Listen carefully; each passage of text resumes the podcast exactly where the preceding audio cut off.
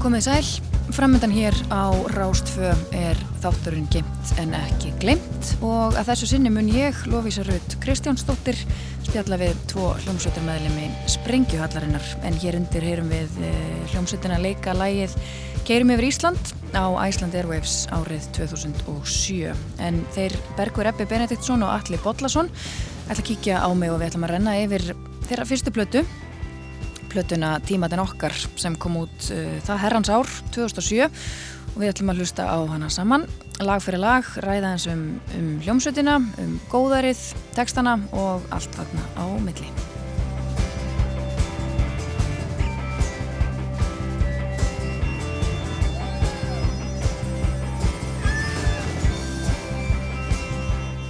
Já, hinga til mín eru komnir Alli Bodlason og Bergur Ebbi Bendiktsson, við erum velkomnir Takk fyrir. Takk hjá Eh, Þannig heyrðum við gamla upptöku, þetta er Æsland Airwaves 2007, munið þið hver það var? Þetta var í kjallaranum á bónus í Hallvegasti. Já, sem núna er einhver veistlu og er, var veistlusalur Já. bara og hefur alltaf verið, já. Þetta var eitthvað skamlíft, þetta heit Lido, en ekki? Jú, þetta var tónleikastæður um, tíma. Mm já. Ég fór á Æsland Airwaves þannig bara hitti fyrir, sko. Já, einmitt. Það heitir eitthvað annað, Silvursalur eða eitthvað tíma. Mm -hmm. En hérna, þið munið vel eftir þessu. Ég mann, þokkalega eftir þessu. Það var mjög mikið stemning. Platan kom út uh, Já, bara einhverjum viku eða tveim vikum fyrr. fyrir þetta ekki, já. Já. Þetta er höstið 2007. Við ætlum að fara yfir ykkar fyrstu blötu, tímaðin okkar, uh, 12 laga grippur uh, sem að hérna, fólk hafi beðið í eftirvæntingu yfir. Eftir. En hérna, að við byrjum bara á, á byrjuninni. Þið eru náttúrulega MH-sveit, eina af þessum MH-sveitum, er það ekki? Sko, já og nei. Við Já. neytum því ekki, sko. Nei, nei. Við vorum allir í MH, Mhm. en setinni stopnuð þegar allir meðlumir eru útskoðið. Nú, já. Og við vorum aldrei allir samtímis í metaskólanum. Nú, það er svoleiðis. Þannig að þetta er svona smá, þetta er nú svona smá söguföld svona að kalla hvað fram. Já. Já, ég er nú bara, einmitt, uh, að miða við þær heimildir sem ég hef, sko. En þetta er bara eins og svo oft, þá eru hlutir kendir við eitthvað. Já. Fólk kennir sig við einhverja staði út á landi sem Mhm. hefur aldrei búið á og, og í þessu tilfelli er þetta nú ekkit svo, Nei, nei, þetta er ekki mjög svo lásand. já, Líka MH hljómsveita minnið er alveg til, þú veist, stuðmenn, Hjaltalín og einhverjir, eða ekki? Það þótti allavega á þessum tíma var það mjög þægilegt, sko. Já, en þetta búið það til einhvern veginn. Nákvæmlega. Það er sagt sko í svona bransa almennt líka að þegar koma svona uh, hvað segir maður, svona labels á, Mhm. á mann, sjölistamann eða hljómsveit bara á ekkert allt of mikið að vera að streytast á móti Nei, nei, nema að sé ykkur, ykkur rópurður sko Já, nema að sé bara, já. en maður á bara að geiða orkviða Nei, nákvæmlega. En hérna, já, einmitt, platan kemur úr 2007, en þið voru náttúrulega búin að vera að gera það gott þanga til. Uh, og var, þú veist, var það Airwaves sem að allir því að platan var til, eða var það bara eftirvæntingin í fólki, eða hvað? Eruð- held ég spilaði allavega ekki en því. var samt mjög vinsalt á þessum tíma og það að, ég veit nefnilega við fengum að spila á Erfis 2006 Mhm. þá vorum við ennþá uh, mjög nýljónsett og ég held hreinlega ekki með neitt lag í spilun Mhm. 2006, að því það kom alveg loka ás 2006, Mm. Erfis er haldið um haustið og veist, Erfis er engin einhver líkil þáttur kannski í því að við gerum blötu, en Nei. það er svona það voru svo flott plattforma mm Mhm. að komast á Já, ég segi þetta bara vegna þess að ég hef heyrt það áður að fólk noti, já, nú svo var Airwaves að koma, sko, Mhm. þá þurftum við að fara að henda út plötu, þú veist, til að vera með nýtt efni og allt svona Mhm. það dæmi, sko. en svo árið setna þá var held ég uh, Erfis bara einhver ein, einir tónleikar af, Mhm. Á mörgum, af sko. Já. mjög mörgum ekkit svona engin fókuspunktur þannig Nei, nei, ok. En við gerðum þetta bara, þú veist, við, ég held að kom ekki hann að kantans um sumar eða áður, Jú, reyndar. Sem að var sem sagt lag sem við gerum á ennsku, sko, Mm sem að er á plötunni, á, svona, tekið upp aftur og á íslensku, lagi taktlus, Já, en hérna, við gerðum þetta bara svona, bara eitthvað lag fyrir lag, sko, eða þú veist, við vorum, þegar við komnir með eitthvað, vorum við svona frekar æstir í að fara að taka upp, held Já. ég sé alveg rétt að segja, mhm, og gerðum þetta lag hann á ennsku sem var svona frekar sloppi og grilluð kannski útsetningu og upptaka sko. en náði samt einhverju smá flý bara- á X-inu mhm, og svo gerðum við sem sagt titilæð þannig um já, sent um hausti Já. 2006 og svo við erum í sambandi um hausti 2007 þannig þetta var svolítið bara svona einhvern veginn, eitt leiti Já, af um, öðru. um voru 2007 já, voru, voru 2007 Já. og við vorum spenntar að gera plötu. Þá er ennþá bara svolítið málið að gera albúm og vorum að semja fullt af lögum og vildum endur að gera þú veist, tónlega plötu eða eitthvað Já, en Og- einmitt 12 laga gripur sko. Það er alveg slatti sko. var það ekki bara basic, Er 10 það? til- 10 til 12 lög, hefði það verið svona og búið að semja meira og valið Já. úr og Já. bara eins og Eins og á að gera það Já, en ég man að við vorum mjög spenntir og við vorum bara að senda á útgáfur demóin Mhm. og þe- þegar hérna, við erum í sambandi með eitt lagi á plötunni uh, slói gegn var mjög mikið spilað þá svona voru plötu fyrirtækin sem voru nú kannski Þrjú, það. þá gátum við, þá vorum við komin í góða stöðu Geggjað. og og gátum, já, bara eitt svona smá tíma þetta er náttúrulega sant já, svona miða við, þetta Mhm. er fyrsta plata þá var þetta svona, fengum ágætis Viðtökur. já, og svona sveigrum og, Já. og, og pening til þess að gera hana Já, já, já, já. Mm, já, algjörlega Heyrðu, ef ekki bara vinda okkur í þetta, við ætlum að hefja leika á, á læginu Keirum yfir Ísland. mm Þetta er stórt lag sem að í, í dag held ég sé að minnst eitthvað spilað tvisari viku í sumatíman á Rástu. mm. Af því að þetta er svo, þetta er svo ótrúlega e, málar upp mynd sem að Mm. margir þekkja. Ég var í sko útilegu bara núna, Mhm. ég var bara komið gær og ég var í faggili undir Mýrdalsjökli Já, já. og flestir hann svona þokkalega vel útbúnir, ég var samt bara einhverjum fólksbíl en það var svona gæi á einhverjum pick-up og hann var með eitthvað svona logo veist, á uh, hurðunum sem að voru, neða, þetta var samt heldur virtist verið eitthvað svona, eitthvað svona klubblogo þetta var sem sagt bara svona útlínur Íslands og svo var svona hjólfar alveg þvert yfir allt landi sko. Þetta. og ég hugsaði með mér að þetta væri svona þetta væri emblem fyrir kerum yfir Ísland mikið- fyrir fjóru sem fjóru. þetta er svolítið fyndi ég man nefnilega, ég var aðeins að reyna að reyfi tilur lagsins, Snorri samt þetta lag og hann var búin að gera eitthvað svona, eitthvað svona smá texta, eins og gerir stundum þeirra menn sem ég lög, og hann var á ennsku og það var eitthvað svona eitthvað, we're going down to West Virginia. Það var eitthvað svona, það voru eitthvað svona staðarhetti ég man eftir því, eitthvað mjög óljós. Já, já. og, en það var strax nót þess að þetta væri greinilega einhver svona búið sáfrægi, þetta væri, væri vegalag mm. og svo tókum við ákvörðun okkur tíma bara listar hann ákvörðun um að allt er það á íslensku. Og við vorum held ég alltaf mjög hrifnir á þessu lægi, vorum vildum alltaf gera eitthvað meira með það. Og þá bara svona verður þetta að íslensku uh, ferðalagi, Já, vegalagi. já. og þá bara settist ég niður og fór að gera texta út, út frá því. Já, já.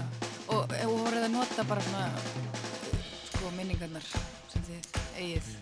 svolítið abstrakt. Já, er þetta ekki svona, er þetta ekki svona klísjur eða svona fantasíur um ferðalag, svolítið svona Eh, frektar Já. saman. Þetta er svolítið svona frá, frá, frá stærra uh, svona víðara sjónarhóti held ég, þetta Mhm. er svona persónulega minningar kannski Akkurat. veginn. Ég man alltaf, ég man alltaf sko með þetta lag alltaf í minni minningu, þá var svona okkur breakthrough með að því sko grúfið eða svona í þessu lagi er allt öðruvísi heldur en í þessum early demóum og það er svona svolítið Gengur upp, þetta er næstu eins og einhver lest, svona hraðlest sko. Held að það hafi líka einhvern veginn ítt undir hann þetta ferða, þetta ferðalag Já, sko, já maður er bara að fara af einhver- stað. Og svo löng byrjunin, já, menn er bara að pakka saman og þú veist, það já, er bara, glemtir þú veist, sveppokanum og eitthvað svona. og þetta var, ég man að þetta var gott lag að byrja tónleika á. Gerðum það kannski ekki alltaf en við gerum það einhvern tímann. Mhm. og svo var svolítið pæling hvernig lögum var raðað á plötuna. Mhm. ég veit að allir var, komum að því aftur, ég get vitnaði þennan mann síðan það, sko. já, hann, og hann, ég, hann hefur hjálpað öðrum listamönnum að á plötur Já, er það, já. þannig að það er best að hann svari fyrir en sko ég held að við höfum örgulega við allir mjög sammála Mhm. að þetta er því fyrsta lag Já, algjörlega með þessu trommu intróið og Mhm. algjörlega skólið að byrja plötu Fyrsta lagið á plötunni e, Tímanir okkar. Þetta er Sprengjuhöllin, Keirum yfir Ísland.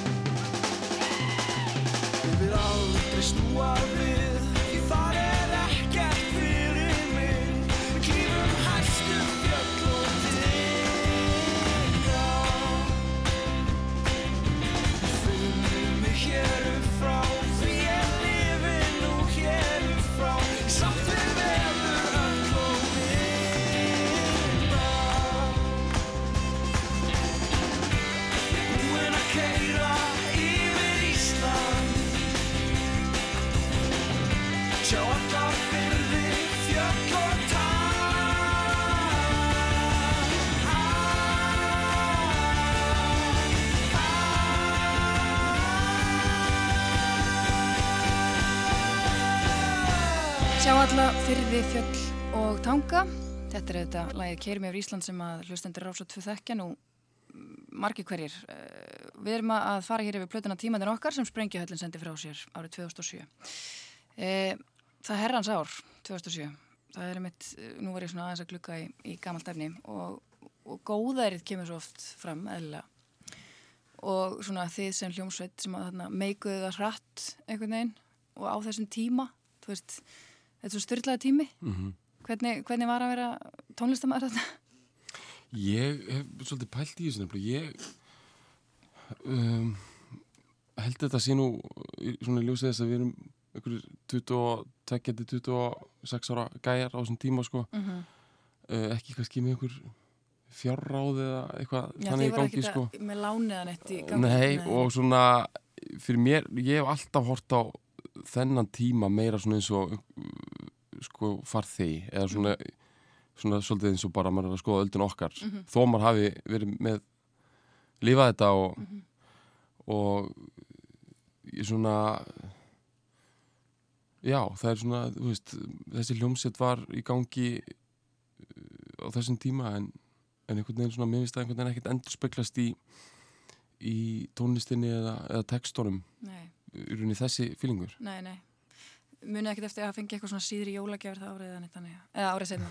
Nei, meni, ég held samt að sko, ég held þessi alveg rétt sem Bergur segir að við vorum ekki með einhverjum það, þú veist, við stigum ekki um borðið þessa lest en ég held við samt svona smá húka far með henni sko, í þeim skilningi að við fengum bara mörg mjög, þú veist, fínt borgu gig, Mhm. skiljið sem ég held að getur bara verið miklu snúnara uh, í dag og og, eftir, þú já. veist, og við Mhm. fengum talsverða hérna, ef við fengum pening til þess að búa þess að plötu til Mhm. sem að held ég er algjörlega undirtekninga í dag hér á þessu litla markaði Já. Þetta er í rauninni endurinn líka bara á plötu útgáfu hefðbundinni. Já, einmitt. Það er í andasliturunum þarna eðlilega bara út af tækni framförum og breytum viðskiptaháttum og ég heyrði einhverja greiningu á hljónstinni okkar sem að er eiginlega ekki hægt að rengja hún er í rauninni alveg rétt sko og það er að sprengjuhöldin er síðasta hljómsveitin sem bæði meikaða og laði upp laupana í gamla systeminu. Já, einmitt. Að þetta er svona smá þingar sko, maður hugsa um þetta, að því að sem sagt, það er náttúrulega ótrúlega margir sem overlappa bæði kerfin Akkurat. eða eru stopnuð rétt áður, fullt af hljómsveitum sem eru starfandi í dag voru í gamla systeminu og já. lifa hitt áfram Já, já. en að hafa, að því að við lifum kannski ekki í það langa tíma Mhm. og við bæði fættumst og dóum í gamla systeminu eins og Mhm. fullt af böndum en við erum síðasta bandið í þessu sammingi sem að Já, Gera. einmitt. Mhm. Það er hjúts. Einmitt. Ég er enda líka sko, stundum hugsa því við gerðum alveg soldi úr því og þú veist, þú er verið að sko svona umfjallanir. Við staðsettum okkur svolítið svona sjálfur, svona gegn einhverju svona einhverju svona lopa, lopapeysu Mhm. dæmi Mm já, svona meira svona, inn- svona inn, innkverfari tónlist getur við sagt. Og, og svona vorum mjög stoltir af þessum svona ég veit ekki, þessu sprengikrafti. Okkur varst til dæmis mjög cool að einhverju leiti að hafa, þú veist, að því við, við sendum demo, þú veist, á einhver label. En okkur varst cool að gera plötunum síðan hjá senu. Okkur fannst það einhvers konar svona statement einhvers konar svona, svona counter indie statement. Og kannski í því ljósi þú veist, þá erum við kannski svona í takt við einhvern tíðaranda sem er í gangi þarna sko. En það er svona almennt, kannski trend sem hefur lifað líka áfram. að 100% Það er hérna þessi hugmyndum það að, að, að í rauninni brenna þessa brýr sem voru á bakvið svona mainstream kultúr og, og indie kultúr.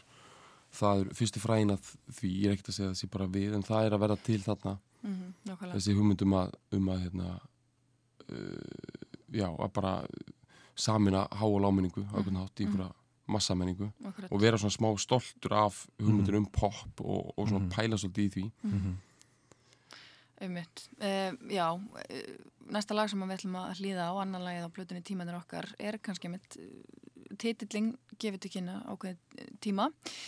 Uh, síðasta bloggfærsla Ljós Herða Drengsins. Átt, þú átt textan, ekki satt? Já. Hvað hva er að tala með það? Sko ég held að það megi nú alveg skipta út bara annað bloggfæslu sem er algjört orðaðist tíma. Já, bara fyrir tísti eða eitthvað.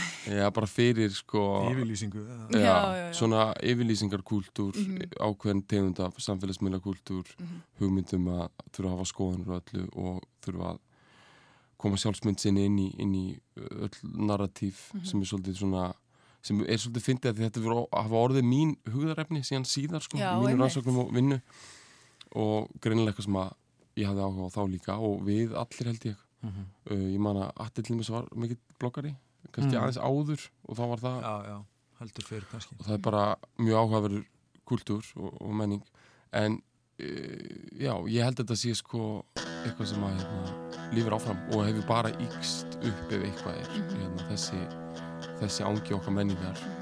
Og þetta er bara um sem er reyndar æ, ævarandi sko, spursmál sem er bara hvað það er oft erfitt að vera hugssjóna manneskja. Og hvernig það er þú getur hugsað því til döða. Ég sakna stundum Guðs. Mér tókst að fæla hann burt frá mér Ég hef ekkert við hann stuðst.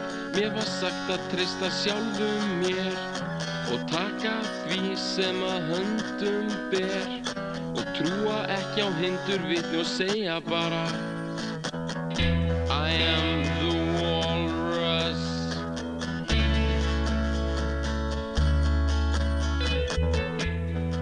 Mér finnst fínt að vera til Þó ég hafi aldrei prófað hitt.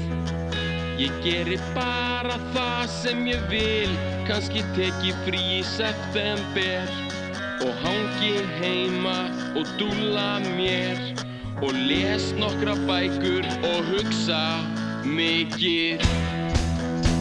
Og síðan er það þú sem kemur brosi á andlit mitt Þú ert stundum svo mikið krút Það kallast víst tilfinning Og stundum finn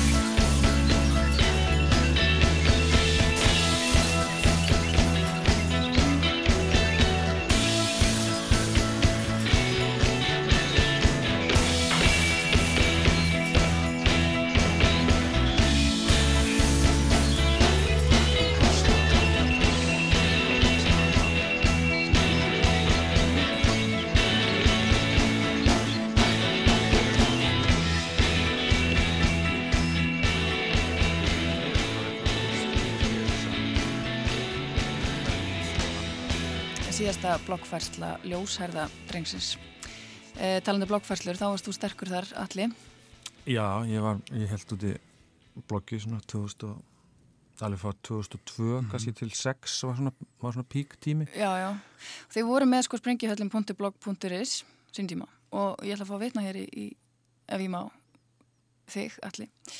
Ég er algjör perri þegar kemur að því að raða lögum á plötu og hef verið að missa svefn yfir því undarfarnar 12 vikur eða þar um bil. Plötur eiga að segja sögu. Þær eru eins og stórsaga utanum margar smarri sögur sem eru lögin sjálf. Þetta er góða punktur.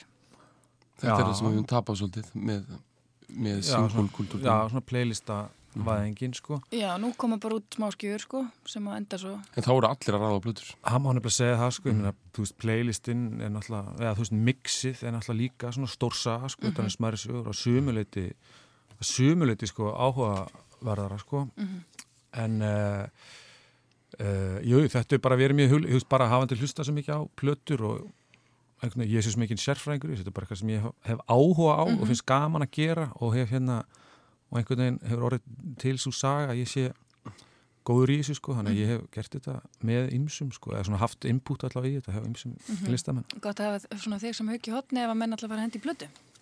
Það er alltaf gott að hafa mig sem heitir hopni sko. En við vorum að ræða hérna með sko að svo kennir ímsa grasa á sér plötu. Þetta er því farið um viðanvöld og þessi, þetta lag sem við vorum að hlusta á hérna, uh, annað lagið á plötunni, þetta er einmitt svolítið svona nýbylgja, punk, þú veist, þú ert ekki beint að syngja Bergur og hérna I am the walrus uh, og allt þetta, þú veist. Þið voru kannski ekkit að sjá fyrir ykkur eitthvað eina beina stefnu eða hvað? Ég meni, ég held að platan, þú veist, þú veist við vorum með tv- tvo, þú veist, fyrst, fyrst og fremst tvo mjög ólíka lagahöfunda uh, með mjög ólíkan performance stíl og mjög svona ólíkan sans fyrir melodíu þannig. Þannig að það, þú veist, það voru alltaf svona tveir svolítið pólar í gangi held ég, en ég held að kannski magík hljómsveitarna hafi að miklu liti falist í því hvað þetta var ólíkt og svo hvernig okkur tókst að er fylla rýmið þarna milli með einhverju sem að var nægilega keimlíkt þess að búa til einhvern hildasvinn. Já, einmitt, einmitt. Já, ég meina nú skiptir þið svo millega, þú er snorri, svona, þú veist, og með allt, allt öðru eins og þú segir, áherslu bara á, á svo margt, sko, sem gerir þetta svo skemmtilegt. Mm. Og mér finnst sko, sko bara, þú veist, varandi sérstaklega þetta lag sem ég held að allavega fyrir mig er kannski svona eitt af eftirlætis lögum mínum þegar að litið tilbaka og þetta var lag sem að lifði mjög lengi með hljómsettinni og við hérna vorum búin að útsetja svona í meiri svona, svona krádrokk, svona eitthvað svona síru stíl og vorum farin að spila þetta lag oft, þú veist, ég hugsaði oft verið kannski 10-12 mínútur sko. Já, Og mér finnst bara svolítið, þú kliktir út að hann varst að tala um, sko, þetta væri svona snýrist að hluta svona sumulit um svona einhvern veginn svona baráttu einstakleikis við svona hugssjónamennskuna sko. og ég held að það hafi líka kristallast í því. Ég man alltaf svo ógsla vel þegar við vorum að spila eitthvað svona bylgju gig á Ingolstorgi á, á menninganótt eða eitthvað. Og hérna, þú veist, tókum þrjú lög og það voru einhverju bara tvö, einhver þe- þekkt lög. Og svo tókum við þessa svona 10-12 mínuna krádrokk útgáfi af læginu og einhvern veginn það, held, það, það var líka þá vorum við sko einhvern veginn þá finnst mér svo, þessi statement okkar sko að við erum komin í einhvern svona ring sko, þú veist, þá vorum við aftur þá í rauninni voru að segja, heyrðu bara því með smá eigu ykkur sko, okkur er sama um ykkar bara patronas sko. hérna, algjörlega, maður á að gera uppröstin við allt sko. Og hérna, kannski þegar við, við erum að byrja þá þurft að gera smá uppröstin við svona eitthvað djúbkúl, svona introvert djúbkúl og svo þarf líka alltaf að gera uppröstin við mainstreamið og, og bylgjuna, það var alltaf að vera uppröstin gegn bylgjunni líka.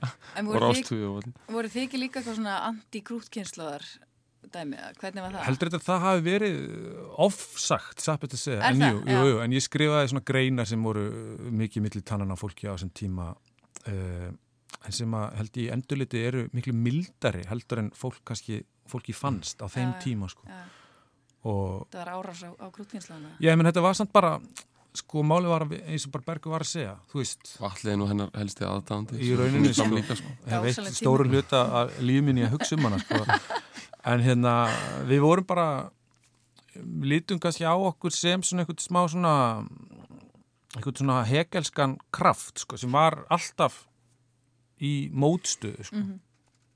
um, en svo náttúrulega, þú veist, gekk alltaf allt svo vel þannig að við þurftum alltaf að finna eitthvað nýtt til þess að í rauninni vera á móti sko. En ég meina, mér finnst það bara sko skemmtilegt ef má segja það sko að þegar músík skiptir það miklu máli og hún býr til eitthvað svona hugssjóna og jafnvel eitthvað svona þú veist það sé eitthvað svona ritteilur eða eitthvað í tengslum við sko ég veit ekki, þannig hefur alltaf verið. Þannig á það að vera. Já, sko. það hefur verið sko mjög, fólk tekur þetta rosa alvarlega og hérna fólk að skrifa músík í, í, í blöð bara, bara á tíund átöknum er þess að þetta skilgrinir bara heilu kynnslóðunar og, og, og prinsip þeirra sko. Svo ég held að fólk viti samt innstinni að þetta er í rauninni bara skilmingarleikur. Þetta eru bara rauninni ákveðna stílæfingar og hefur kannski ekki beinlinis með hjartalag fólk sem hópa að gera. Nei, nei, en, en hérna þess vegna, mér finnst músík vera samt svo frábær út af því að við höfum einhver, einhver þörf til þess að kljást og vera átakasækin í lífinu. Og mér finnst svo gott að músík geti líka fronta það einhvern veginn. Svo við séum ekki bara er svo, er svo ljótt að að rífast með leðinum aðtöðasendum á netinu eða einhverju. Gaman Já. að hafa einhverju svona list svona sem að Já. búfferðar það líka mjög leiðilt er ég með vopnum, sko, Já, skotvopnum það er alveg algjör hörmung.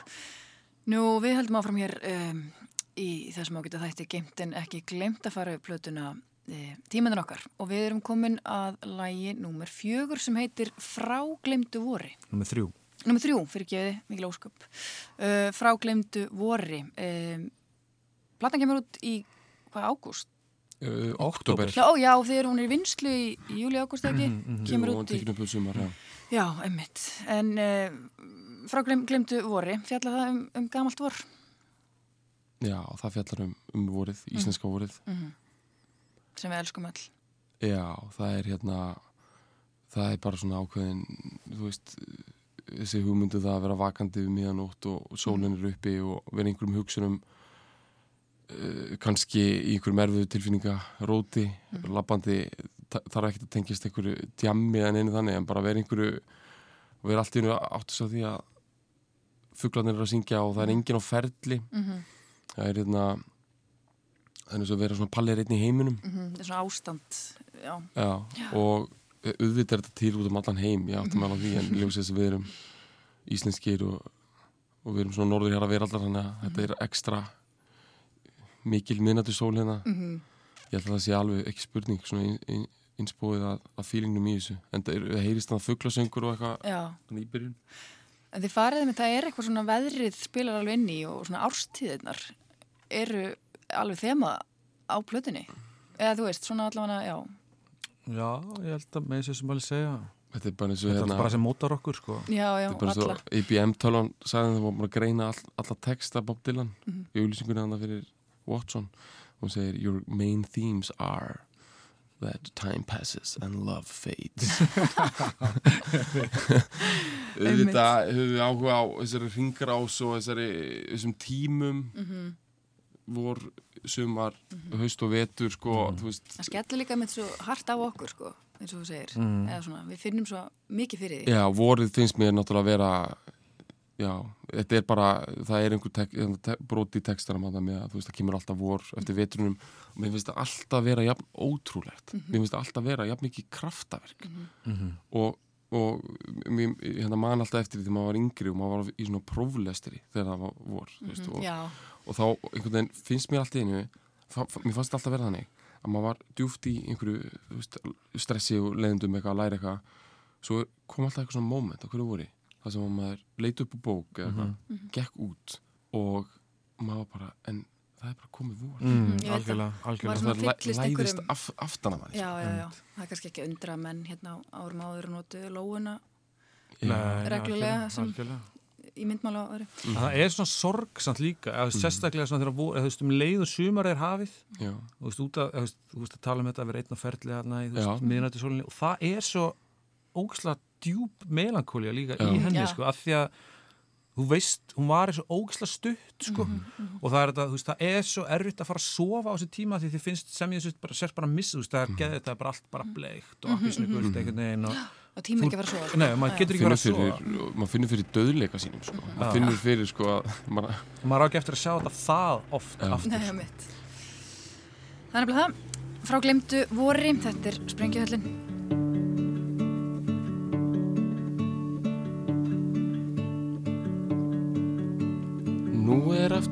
Komið vor og veröldin er splunkun í og varla hægt að treysta á neitt annað.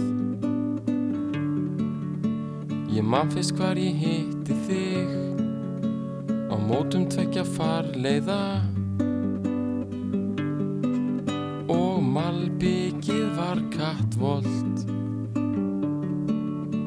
og lásólskein á báru járn sem klætti húsið bjarnastíg og byrti okkur litina þéttu. Og þannig hef ég munað þig þokka fulla dulræna. Og þannig ertu. Og alltaf geimi ég þið nær nokkur tíman veistu af. Þó minning þín sé nú frá og máð í burtu. Það sé önnur veröld í dag en var um árið. Skaltu muna það eftir sér hvert vetur kemur aftur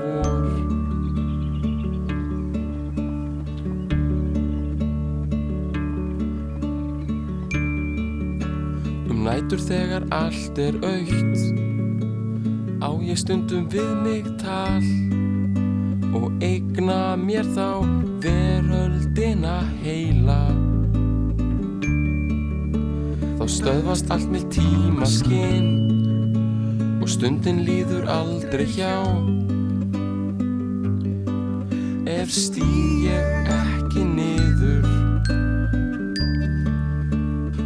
stóðst þarna með mjúkan háls. Og hár þitt lyktaði af klór. Og hvaða heimur leið þá hjá? Ég man bara að hann var blár. Bólurinn sem klættist þér. En annað ber ég ekki og alltaf geimi ég þið nær. En nokkur tíman veistu af. Þó að minning þín sé nú frá. Og máð í burtu. Það sé önnur veröld í dag. En var um árið. Skaltu muna það? Að þegar síst þú væntir kemur alltaf aftur vor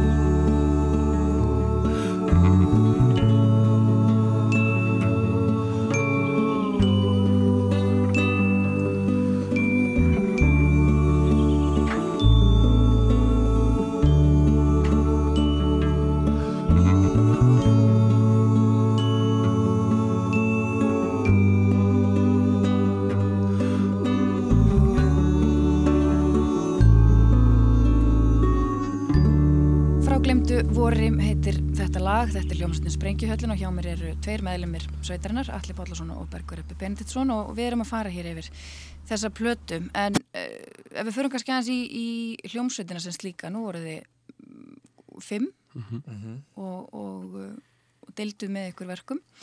Uh, var, þið voru þrýr sem sunguðu það ekki, eða hvað?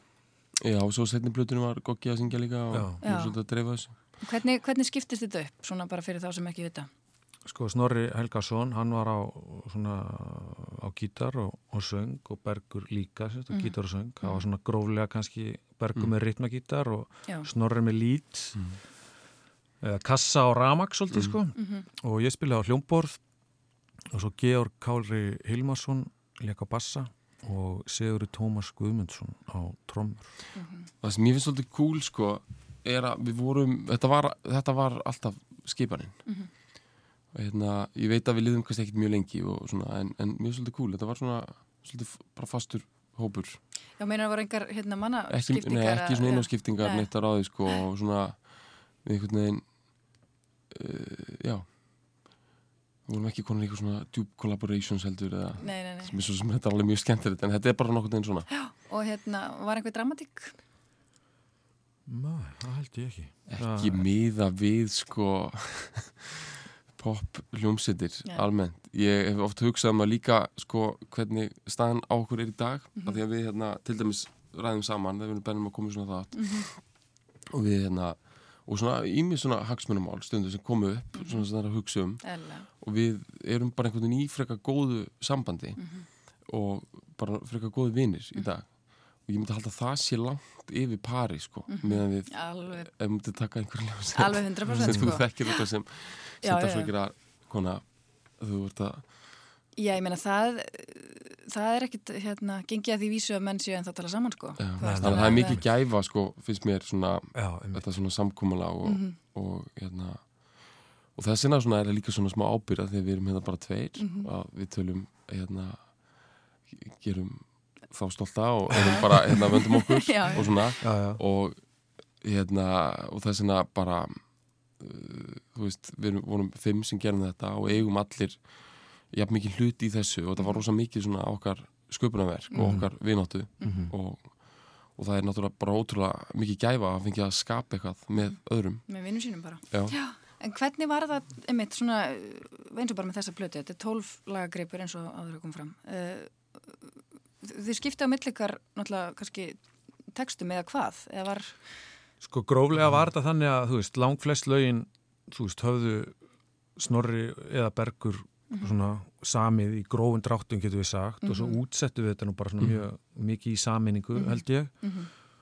Uh, og svo mm, Bergur svona kannski er svona ri- ritstjóri sko.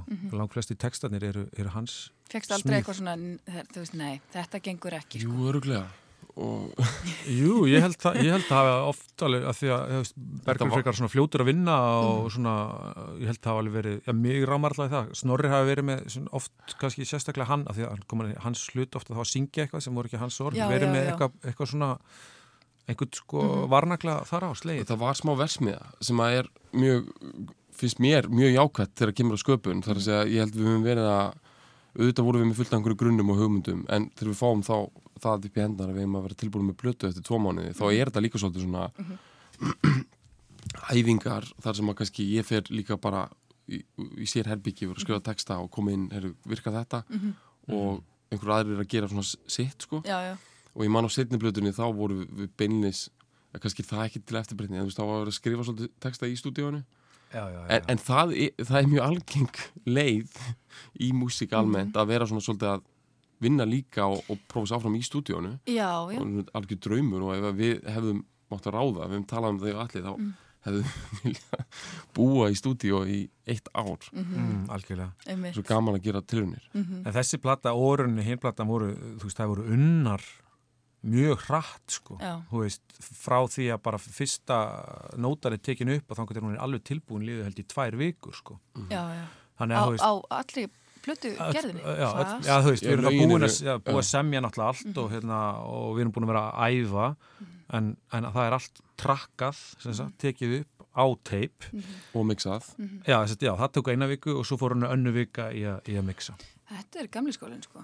Já, þannig. Já, algjörlega. En samt vorum við, samt gáum okkur alveg tíma Já. fyrir svona smerri hluti í útsetning. Minna við vorum ekki búin að ákveða að hérna, það var einhver bíl og fugglasöngur mm. Já, þú veist, þetta Nei, er bara já. allt hugmyndi sem vera til á, á staðnum og margt þar. Ég meina, þú veist, ég veit ekki, voru búin að ákveða að það var eitthvað klukkuspil til dæmis í því. Ég bara manna það ekki alveg. Nei, Sko, þú en- fundið það bara í stúdíónu Já, og hugsa að spila það, Já, en það gerir samt einmitt músíkina miklu meira sexy, sko. Þegar kemur eitthvað svona, eitthvað nýtt sem að var ekkit upphaflega planað, sko. Nei, nei. og við vorum að vinna þetta með algjöru fagfólki Mhm. uh, Valgir Sigursson stjórnaði upptökum og Míó Þórusson Stur, Sturla Míó Þórusson Mhm. var upptökumæður og Valgir mixaði líka Mhm. og bara, já fyrst og ennst rosalega miklu fagmenn en líka mjög kreatífir og með svona skemmtilegt input Og ykkur leið vel í hljóðverinu. Ég held í alvörinni að þessar, þetta er svona með bestu vikum lífs míns í raunni, sko, því ég hugsaði þetta er ótrúlega fallið stúdjó, þetta var um hásumar, það var gott veður við vorum bara í ógislega miklum feeling, okkur langaði rosalega að gera þessa plötu, Mhm. það var mjög mikill svona meðbyr. Uh, þetta var, það var trampolín í garðinum sem við gáttum svona menta á. Þetta var alveg geðveikt. Kans, kannski er ég eitthvað sko. kannski er ég eitthvað, lítið eitthvað of sterkum litum sko, en í minningunni þá voru sko, það var svo mikil meðbyr og stemning að það voru bladamenn alltaf að, sem vildu koma í heimsókn. Og við höfum eiginlega bara ekki tíma fyrir það. Nei. þú veist að hleypa einhverjum inn og tala með hann í klukktíma sem vildi samt bara fjalla ótrúlega jákvæmt um plötu sem við viljum að selja Já, einmitt, ekki bara snáfaði. Nei, hérna, einmitt, ég hef hérna undir höndum uh, talandum Plötudóm sem Valgir Örn Ragnarsson, kollegi minn hér á Rúf núna, skrifaði í DFF fyrir þessum árum eh, þegar platan kom út og hann segir uh, fyrirsögnin er græða upp auðnina sem er fallegt. Og hann segir að það sé sjálfgefta að hljómsveitir komi fram sem allir þjóðfélagshópar geta samþygt sprengjuhöllin veðist hafa ótrúlega breyða skýrskotun og síðast árið hafa strákunni verið að hitta popnaglan rækilega á höfuðið. Og segir hér svo eftir mikla vænt, eftirvæntingu er frumburður sprengjuhöllarna komin út. Þannig eins og segir um, eða þú, meðbyrinn var alveg með ykkur sko, fólk var spennt að fá þessa plötu í hendunar mm, fólk var spennt sko. Og náttúrulega, ég meina þarna var líka fólk búið að heyra uh, keirum yfir Ísland, við erum í sambandi.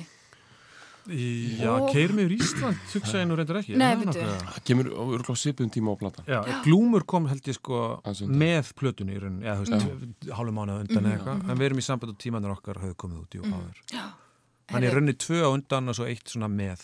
Akkurat. Og næsta lag sem við ætlum að hlýða á heitir einmitt Glúmur sem er hvað, holdgerfingur uh, íslenska ruggludalsins eða hvað eru að tala um? Já, svona eitthvað uh,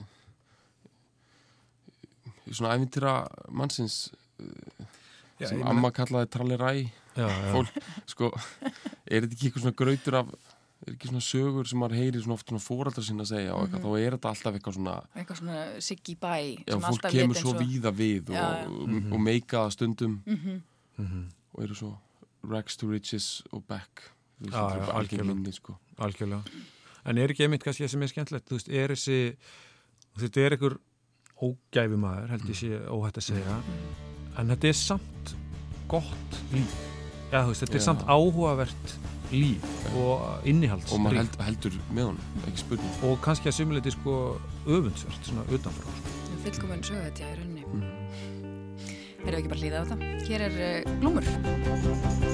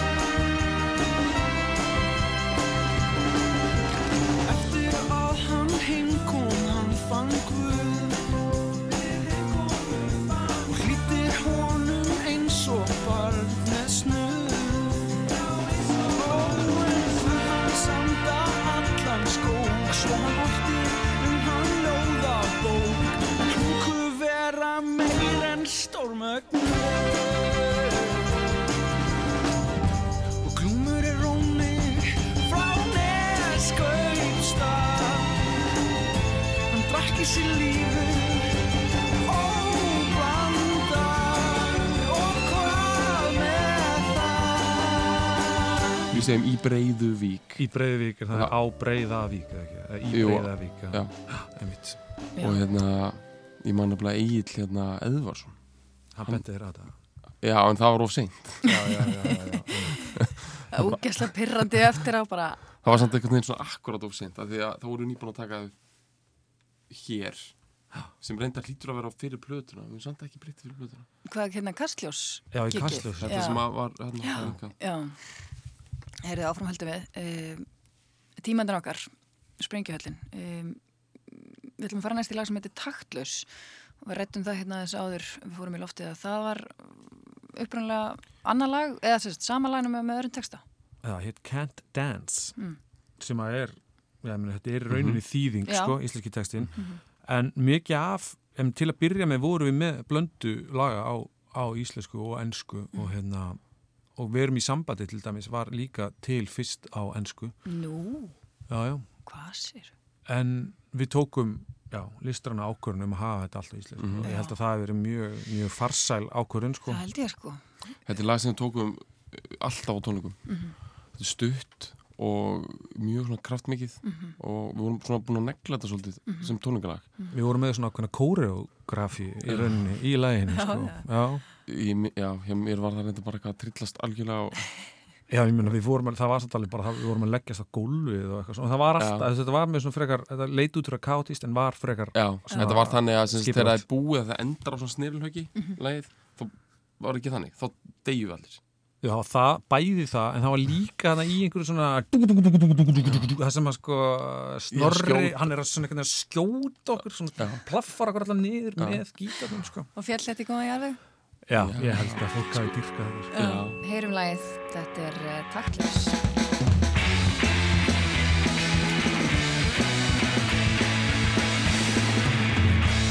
er algjörlega taktlaus.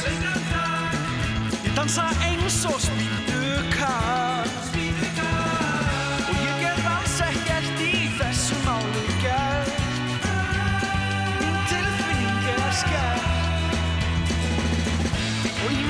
finnst víst engin röðmi Ekkert skop ég tíma skil Og þó ég skoppi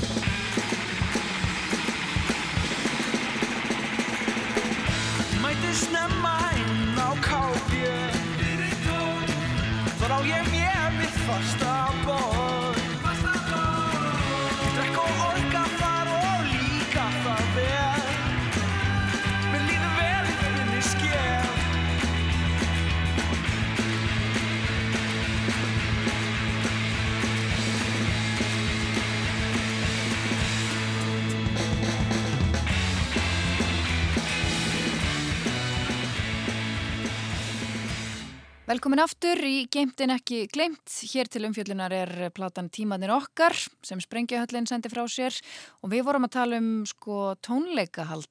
Sko tónleikarnir voru rosa mikið eitthvað svona eða í minningun allavega, þessum áhörundur eru svona alveg uppi mann, svona vallan eitt svið þú veist, eitthvað svona frekar litlum stöðum þú veist, við spilum náttúrulega sko, þú- minningin náttúrulega tekur út allt, við spilum romantísk bara. já, við spilum líka fullt af einhverjum ársatíðum og einhverju kjæftæði Já, já. en hérna í minningunum var þetta alltaf eitthvað svona frekar sveittir svona, og eitthvað rosaritt stuð tónleikar. En einmitt, þið voru líka þú veist, frekar góðum tíma fyrir sko tónleikahald almennt. Ég meina staðan í dag er náttúrulega bara frekar súr.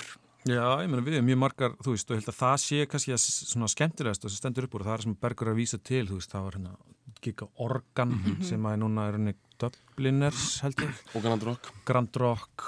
Og Já. minna, við spilum spilum við ekki líka bara veist, spilum við þetta á 11, nei, kannski ekki Jú, við spilum á 11, við spilum á Bar 22 Já. og þetta er allt náttúrulega bara, veist, fólk er rúglega í dag bara, hæ, er þetta tónleikastæði? Já, já, já, einmitt Þú veist, Einmitt. Norðurkjallar MH, veist, þessi staðir eru sko, þú veist, það er ótrútt hvað hafi verið haldnir margir fræði tónleikar.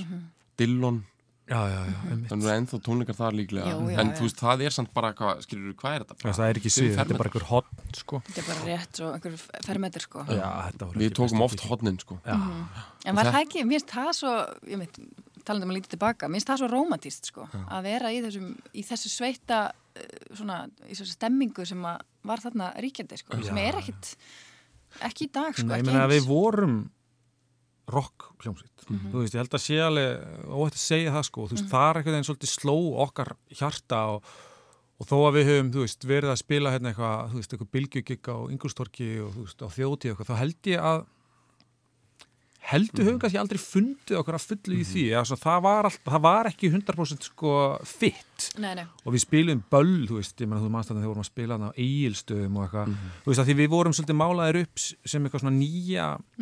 svona nýja eitthvað svona nýja sveita þess að að því að sem ekki endurinn núna allt þetta þúsaldar Ald- aldamóta aldamóta dæmi, dæmi og við áttum einhvern veginn, þú veist, það var reynd að ramma okkur líka inn sem eitthvað svona endurvakningu á því Það er rosa erfitt að delivera því samt. Ég held að við höfum alveg ná, þú veist, við spilum á böllum en og ég held að það ekkert til að balla í raun hafi gengið Nei, vel, sko. að því að sko, þegar þú ert s- að spila balli, þá þarftu að spila lengi og þú þarft að spila helst lög sem allir þekkja við bara, og bara verður að taka Race Against the Machine eða ef þetta á ganga sko. og það var komin einhver hugmynd andan okkur sem að bara, við ættum að geta bara Gert að lögin okkar bara ætti að vera nógu frægt til þess að sko, Mm.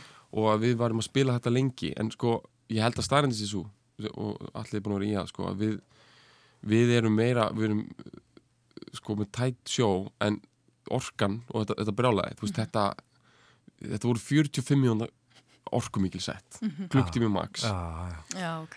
þess vegna fannst mér svo cool því ég las setna þegar maður er að stúdira svona rocksögu sem ekki svona eftir þetta sko. Að Ramones, ég held að alltaf hálftíma tónleika. Vá, 30 Og- mínútur. já, og í, tops, Já. stundum stittra Vá, lögin öll spilu ótrúlega hratt. Og samt er Ramones sko eitt frægast tónleikaband allra tíma, þeir spiluðu svo marga tónleika og bara spiluðu endalust það voru engin skipulaði túrar, það bara spila endalust og óslega mikið við, ég sé bara fyrir mér þú veist, að koma sér fyrir soundchecka Já. til að vera hann í hálftíma, þú veist, það er alveg frekar mér finnst þetta svo cool að vera með svona mikið impact. Já, já. nú er þetta Ramones. Og vera samt bara, já, Já. þeir spiluðu bara í hálftíma en í, í þennan hálftíma voru öll lögin ógslafræk og ógeðast mikið kraftur. Já. og dugði bara til, ég meina. Ég meina við vorum hérna í einhverju svona svipuðu mótili að því leiti að þú veist þetta var svona mikil orka Mhm. en, en hérna í stýttri tíma En tókuði alltaf, eh, tókuði einhvern tíman tökulög á tónleikum? Eða þú veist, voruð þið með ábreyður? nokkuð föst, við tókum hana Hitta, já Heatwave, sem er svona gamalt Já. Motown lag Já, já. eiginlega. en, þetta, já, en það var svona okkar tökulag þú veist það er ekki Já, með okkar texta þannig sko Nú með íslensku texta? Já, með íslensku texta. Já, já, já. og við vorum á einhvern tíma að gerðum einhverja tilröðin svona setna á ferlinum, það vorum við svona ægja okkur að taka cover Já. mann tókum við það Summer Garden með Singapore Sling en þetta eru samt obskúr kofalög Já, já, einmitt, einmitt Þannig að við vorum ekki balband og þú Nei. veist, það var ekki reynd að setja okkur í það mót en, en það, ég held að sé alveg út að segja það bara virkaði ekki sko. Nei, nei, einmitt. En þú varst að mynda að tala um að þið, hérna, þú veist, svona ykkur leið, svona eins og rocksveit, en þið voru kannski svona mörgum rocks og, og pops Já. og platan kemur út 2007 og ég er bara svona spekulera, þú veist, hvað, hvað voru þið að hlusta á? Voru þið að reyna að vera eins og einhverjir? Eða, eða var eitthvað sem að svona, einhver innblástur sem að, Ég var að hugsa þess að þetta í aðranda mm. viðtalsins sko. Ég held að við höfum já, í raun á þessu einhvers ég tala neitt óksla mikið um það held ég höfum samt verið að vinna með þannig sé svona afmarka sett að mörglítið einhverju sem við vorum allir sammála um að við vildum reyna að ná fram og ég held að kannski kjartin í því var svona, svona brest rock, nýtt og gamalt þú veist, Kinks en held ég líka mjög mikið að vinna úr veist, Zombies, fylgjuðu allir. Algjörlega. En líka svolítið að vinna úr, veist, blur pölp var einhver svona draugur. Já, já, að því að það eimar einmitt svolítið af þessu punk uh, dæmi, sko. Svo er sko, eitt, einna refónu sem við notum var Velvet Underground. Og upp á soundið sko. Og Velvet Underground var svona hljómsveit sem var einhvern veginn alltaf daður af að vera pop-hljómsveit sem virka kannski fárunand af því þetta er svona einn mest experimental og frumkvöla sveit sögunar en voru komnir út í þannig pælingar og, og að því að þú veist voru semja svona melodísk lög. Þannig að ég held að okkur hafi fundist það að vera ógslag cool að ná einhvern veginn að vera bæði indie og experimental en Já, vera já. samt en pop. líka einhvern veginn að kötti gegn. Já, en nefnilega. svo er, er ekkert hægt að vera allt og eitthvað. Nei, nei, við nei, lend, lendum aðna einhver staðar. Mhm. og svo, og svo er kannski Dylan kannski svona líka svona ásakir Já, hans, já. hans bandið sko. Einmitt, já, maður heyrir, Bellu Sebastian upp að Já. einhverju marki. Já, já, já, Mm. ok. Herri, það er komið að titilagi plötunar, tímarnir okkar, uh, er þetta einhver vísun í bara tíman ekkar eða hvað? Og góðærið og, og svo framvegs. bara svona vera að ná utanum hvað það er að vera að vera til Já. á ákveðin tíma fannst þetta svona cool pæling að vera alltaf einhver svona tíma og tíðananda og Er þetta eitthvað bubbi breytið tímar, dæmi, nálgun? Já það eru líka fleiri sko, þú veist þetta sko að hafa tíma í, í, í titlinum er rosalega algeng sko The Times They Are Changing Já, já, og hérna þannig að það er eitthvað svona smá svona, er svona smá völlur á manni, mann er með eitthvað svona tíman í, Be here now já, já, já, nákvæmlega. Herri, stórkoslegt. Uh, heyrum hér í, í titillagi plötunar, tímarnir okkar. Afsakið, ert þú að passa þessa stóla? E ertu ekki vinkona hans Óla? Hann var að klára kennó síðasta vor. Óli eða Svenni, ég man ekki hvor. Var í þessu partíi áðan. Ég veit um stelpu sem að dáðan.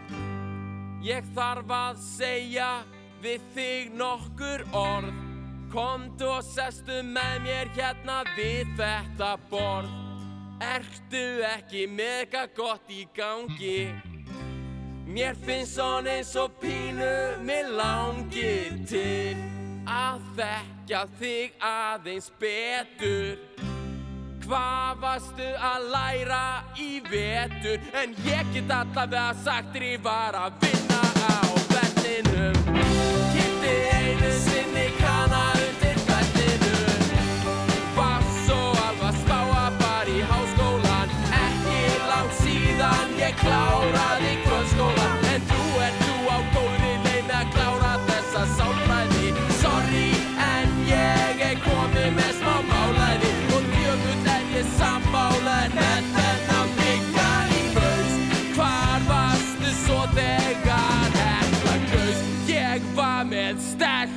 sem ég linda. Þetta er langt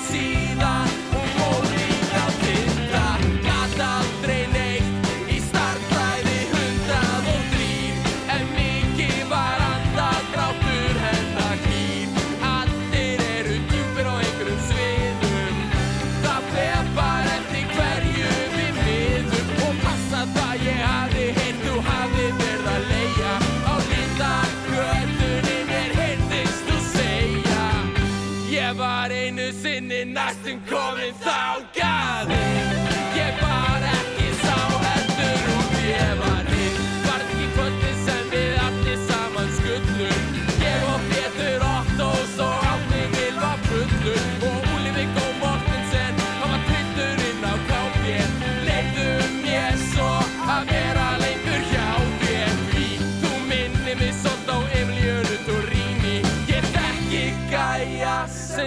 skvetta þess í henni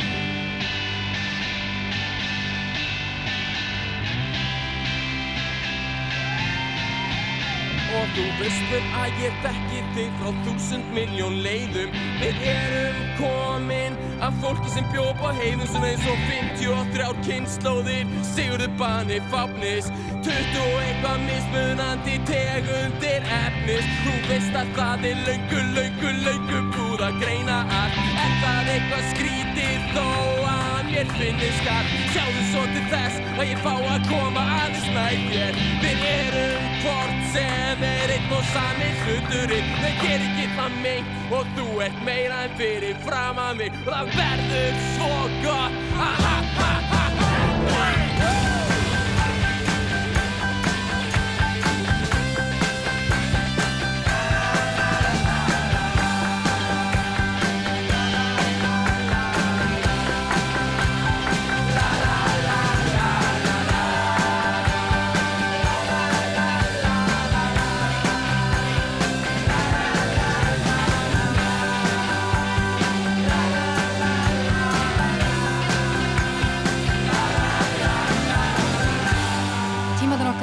titillag plötunar sem hér er til umfjöldunar í dag, þennan sunnudaginn í, í þættinum Geimt en ekki glemt og uh, tveir liðsmenn sveitarinnar uh, Sprengjuhallarinnar, Alli Bóllarsson og, Bergur Ebbur hér hjá mér.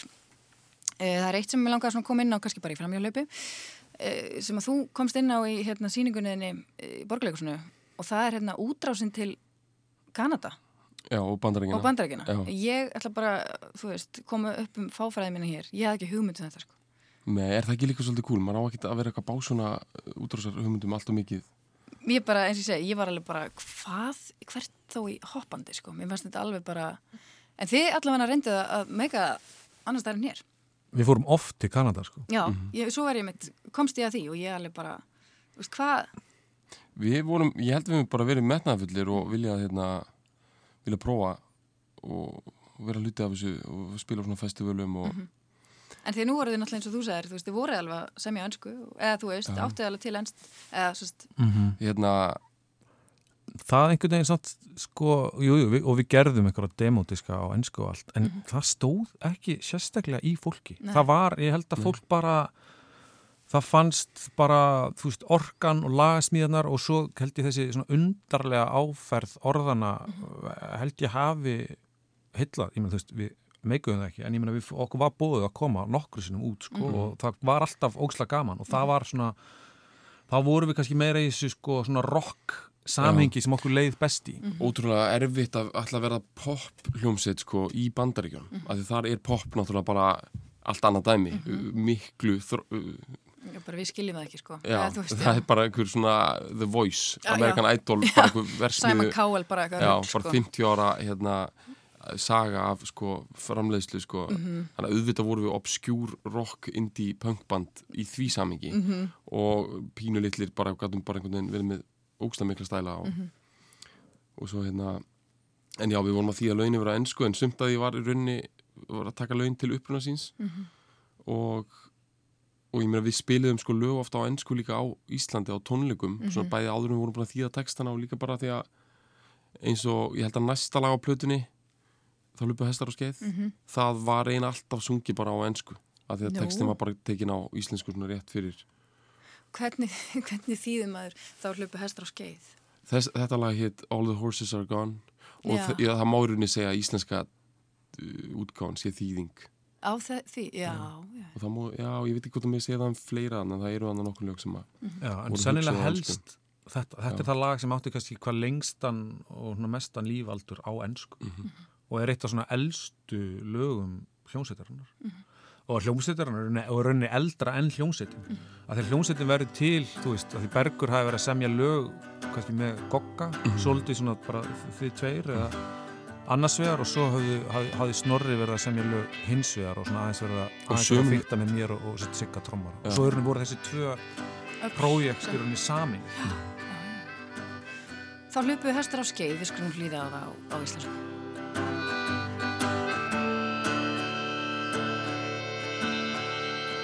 Fyrst komu paparnir með prigg í hönd og pældu í guðin vildu ekki nema lönd. Svo sildu þeir í burtu og sáust aldrei meir.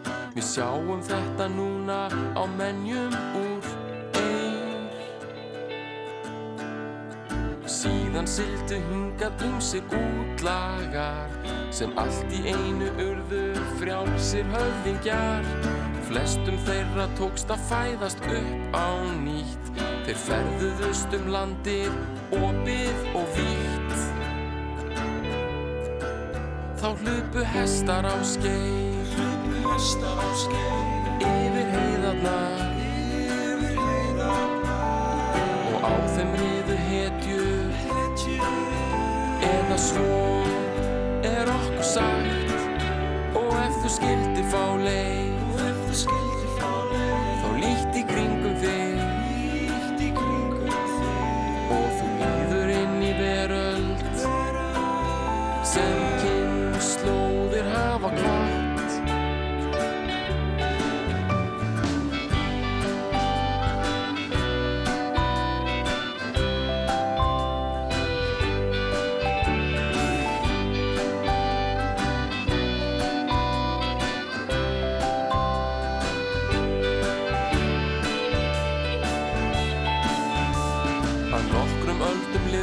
var svo lítið stríð. Þá leittu saman bændur við smávaksin víð. Eitt fekk stein í höfuðið og hreyfðist aldrei meir. Það hefðu dáið fleiri en vopnin voru meir. Samt var mikið skrifað og ort um þessa öld. Því óskrifaðir bardagar skapa engin völd. Og þetta gildi núna og mun gilda um alla tíð. Og gleymið ekki að tíminn gerir grundina að dýr Þá hlupu hestar á skeið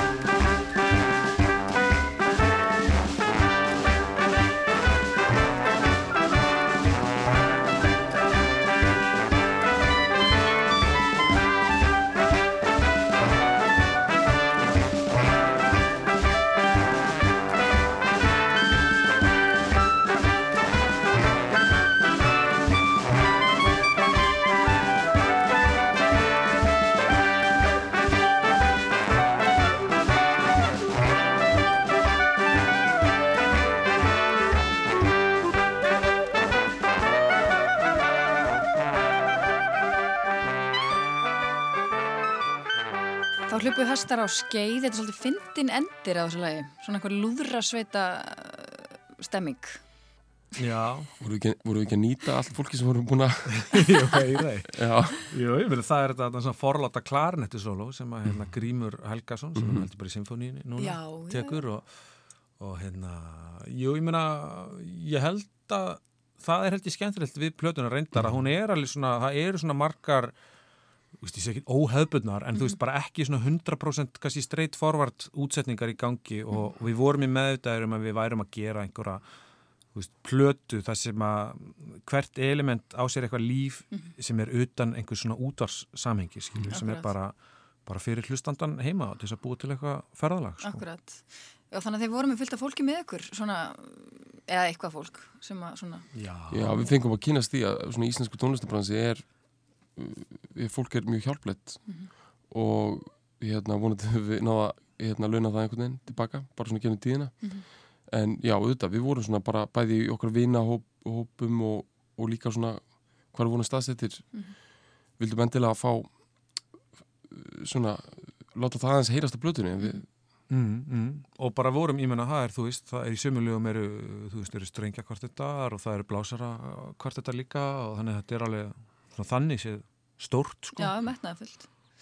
En ég las einhver staðar hérna að titillin á þessari plötu sem er hér til umfyllunar í dag, tímannir okkar, eh, þetta er einhver vísun í, eina ben, eða hvernig var það? Nei, ég held að það sem að þú ert að vísi er sko að nafnið á hljómsveitinni Já, Á já. að vera það, sko. Já, já, já. á og, og það er auðvitað haft eftir mér en einhverjum sko þannig að Já. ég get nú ekkit hérna, nei sko það er hérna eina ben tala samt um stjörnuhöll minna drauma Já, í hérna ljóðinu útsær Mm og uh, þetta er svona afbökun af því Mhm. og bara samt svona með einhverju vísun í orkuna og Já, já, já. Þetta er svolítið skemmtilegur sko, hljómsveitar, skemmtileg hljómsveitina. við myndumst aðeins á útrás áðan Já. að þetta var hérna getur verið allir að þetta sé eitt óþjálasta nafn bara sem hægt er að byrja fram á ennsku Algjörlega, sko, algjörlega. Þau vil nú meina það, sko, hjaltalína að það sé enn verra, sko. Hjaltalín. Já, Já, það er bara bull, sko. já er sprengjuhöllin. En ég man að við vorum nefnilega með, bara vildum alveg absolutt halda því sko, ekki vera að þýða það. Nei, eitthvað nei. bombpalas eða eitthvað sprengjuhöllin og að því að það var einhver svona stemning að, láta þau tyggja á einhver erfiði sko, mm í bandaríkjunum. Já, þetta er einhver, einhver hérna, hvað segir maður, svona, þetta er einhver rebelismin, sko, að kikka inn aftur. En hérna, við höldum áfram, við ætlum að heyra hérna eins lag sem heitir Nú er tíminn, er þetta hvað? Önnur vísunin í, í tíman, Mm -hmm. er það ekki? Eða þriðja, jafnvel? Jó, ég held að þetta sé að mörgleiti mjög svona áþægt umfyllaröfni og titila. Þetta snýst bara mjög mikið um að fanga samtíman. Í rauninni að verða heimild og að gangast upp í tíðarandanum. Já, Uh, og bara, þú veist, þá, kannski, þú veist, komandi bara aftur að þessi með, þú veist, þú veist, að vera að tala um 2007 og þetta, þú veist, að sumuliti það að bara, við erum þetta líka búin að vera að tala mikið um mótróa, en að samt, að streytast ekki um of á móti tíðaranda sínum, heldur leifa honum að bera sig eins og alda. já, já. Nákvæmlega. Þetta er, já. En hér segir nefnilega sko í umsögn uh, sem ég finn hér á, já í umsögn sko dómnemdar, uh, þetta er sko Íslensku tónlistavelun 2007 var náttúrulega stór fyrir ykkur. Já. Það var hérna, uh, lægið Verum í sambandi var þarna lag ársins, vali lag ársins sem er nú engin smá heiður og svo var náttúrulega hérna, platan líka tilnæmt, ekki rétt hjá mér. Jú, rétt. Uh, og hér segir nefnilega í sko, umsögn dómnefndar á þessum tíma uh, að, að sko, Bergi tækist á einstakann hátt að fagna, fanga afsakið, tíðarandan í íslensku samfélagi með hverstaslegu og nýttnu orðfæri sem er nú, Og Bergu var hlaut, er það ekki? Velunin fyrir, fyrir textakera. já, já. Það, það hlýtur nú að hafa verið gaman. Þetta var mjög skemmtilegt, þetta eru tónlistavelunin fyrir árið 2007, haldin 2008 Já, já, þetta er 2008, árið, já, auðvitað, já, Akkurat. Heyrum næsta lag, þetta er Sprengjuhöllin, nú er tími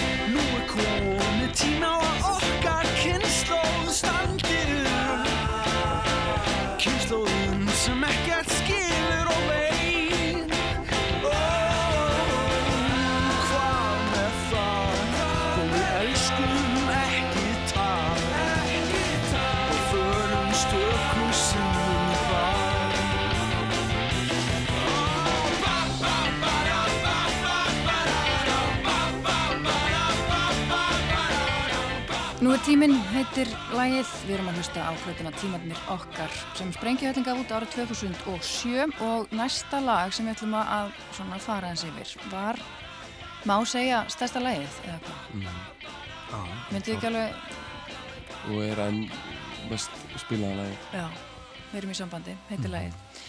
Og er þetta fyrsta sem að fólk fekk að heyra? Svona, Það hefur verið tvö lög áður en þetta hlaut svona miklu, miklu meira bröðgengi heldur en þau tvö sko. Hinn voru svolítið svona- bundin við, já, svona, egg- voru svona meira X-lög en þú sko. Já, þetta er crossover neglan.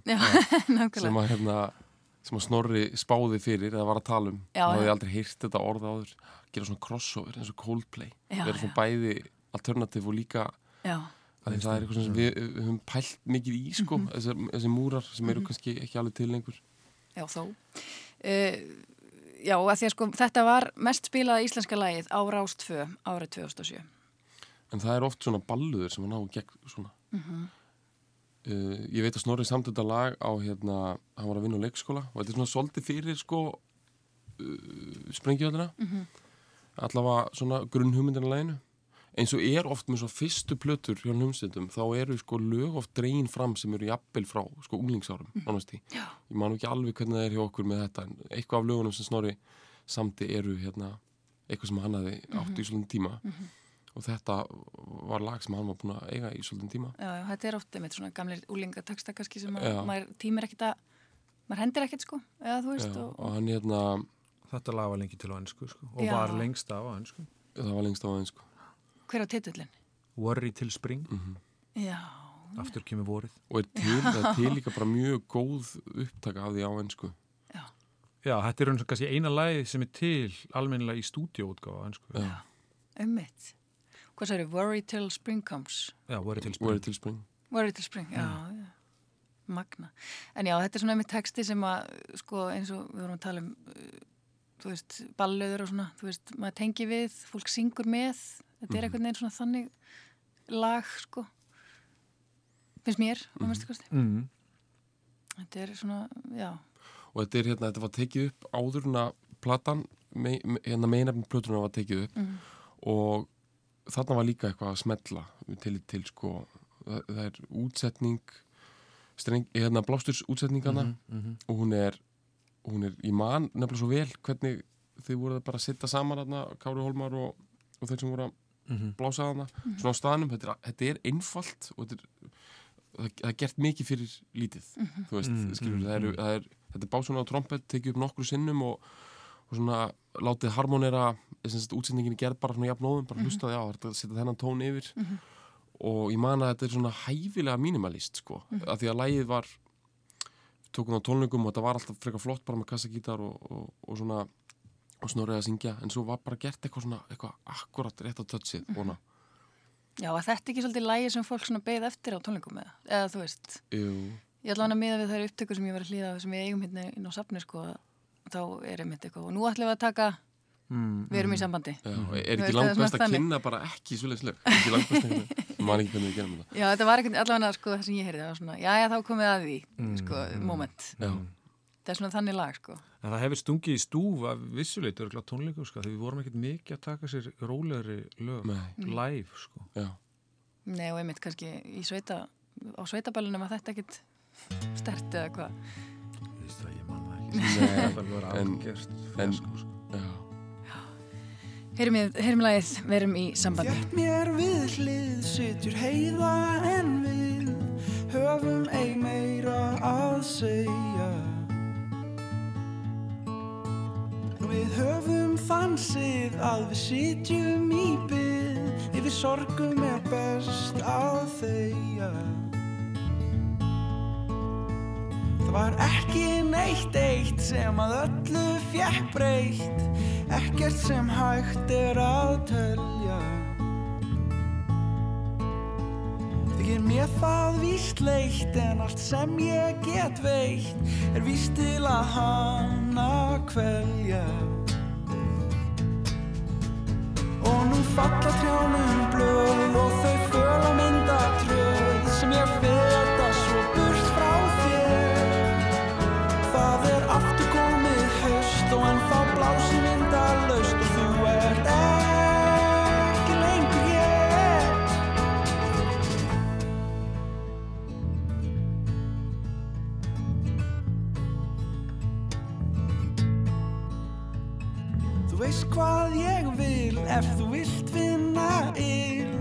Vertu þá ekki að ringja Því ég á ekkert til og ég ekkert nú skil. Við skulum ei spórin mín þingja Og heiðan var mér flóð og fjær En við fegust vorum meðalpar En hún var líin, sönn og köld og hlý Já, hún var mér allt Og engin orð veru nóg dýr. Þó er eitt sem er vel Og það aldrei ég fel Og engin því frá mér stelur. Ég á frjálstugar þel og þar minningu er og ákveðin stúlka þar Nú falla trjánum blöð og þau föla mynda tröð sem ég feta svo burt frá þér. Það er aftur komið haust og enn þá blási vindalöst og enn geng ég burt frá þér. Þó þú sért er lengur mín og engin ábyrg sé vist þín Þá er ég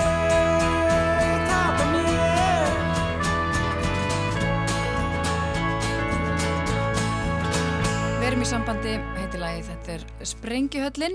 E, í viðtali við Jóhann Bjarnar Kolbensson í Morgunblæðinu ára 2007, Alli, þá hérna, þá segir þú að sko, hann, að þú sett mjög ánaður með að fólk virðist heyra eitthvað sprengjuhallar hljóm.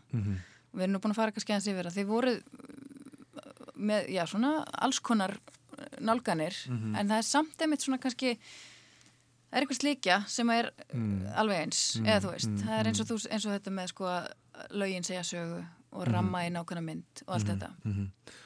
Já, ég held bara sko, þú veist, við vorum mikli pop grúskarar held ég allir. Þó að, og ég heldur þetta að það að vera styrkul hljómsveitina við höfum samt svona mjög ólíkar kannski áherslur í því sem við vorum að hlusta á en náðum saman um, þú veist, þessar hluti sem ég nefndi hérna, Zombies og Kings og, og Blur og Velvet Underground og fleira.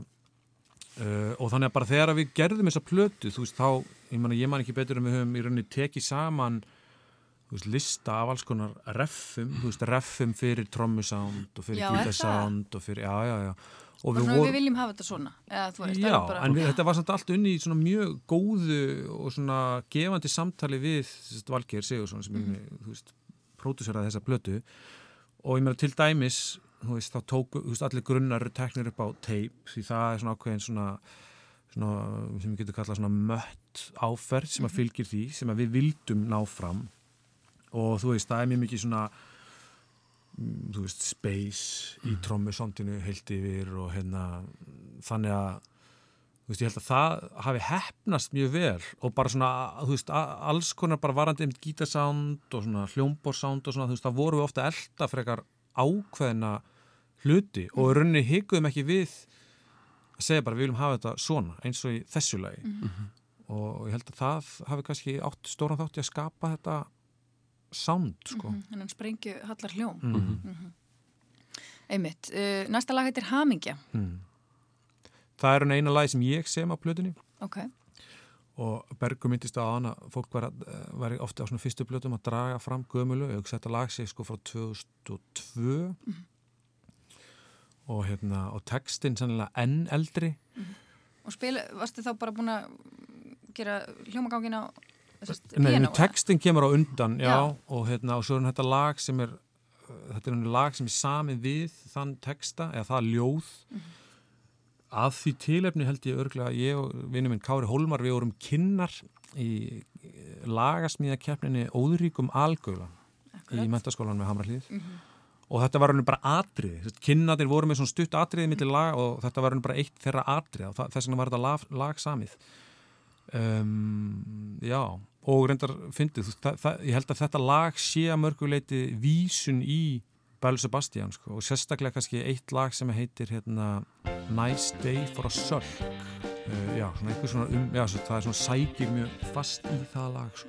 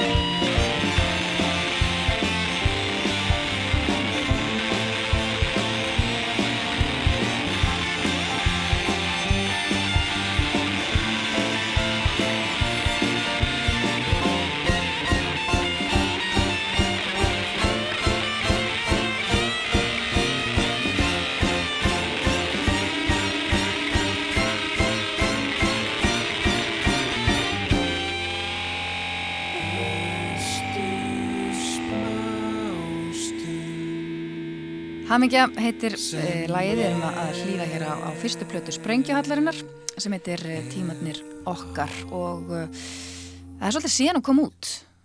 Það er uh, rúmlega áratur.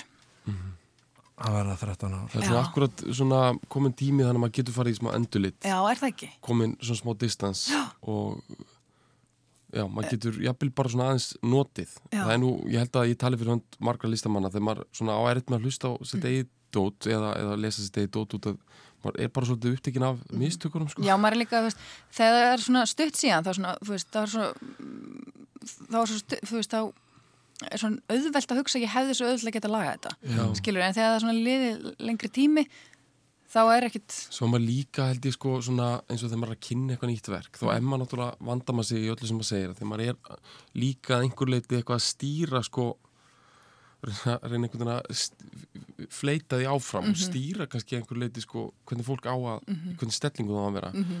Viðtökunum svona. Já, svo læri maður það náttúrulega í fyrsta lagi, maður getur það aldrei.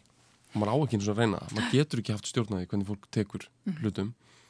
Og það getur mér þess að einstakastinu verið sárt. Þess er plötu verið að tekið vel og svona, en það er svo þægilegt að það er smá tími liðin og við getum talað um þetta núna og ég nei. Heru, við ætlum að fara hér í lag sem heitir Það kostar allan heiminn. mm. Var þetta á þetta enskan titil líka? ég ekki nei Nei, þetta lag er samt líka aðeins eldra og það er samið af, af mér og Átna Viljómsinni sem var hérna var í hljómsdynni FM Belfast meðal hans og uh, já, var svona með hérna hljómsdynni svona einlega frá upphæði Var þetta svona eitthvað MH?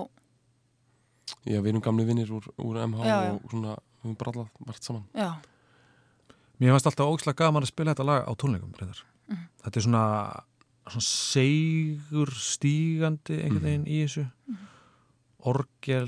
Mm og svo Já. springur þetta út einhvern veginn mjög fall og ég held að fyrir mig líka og mér er alltaf þótt að koma svona einn horn koma einn frönsk horn í fyrra viðlæginu og ég held að það sé kannski uppáhalds mómenti mitt á blötunni þegar þessi horn var að læðast inn sko.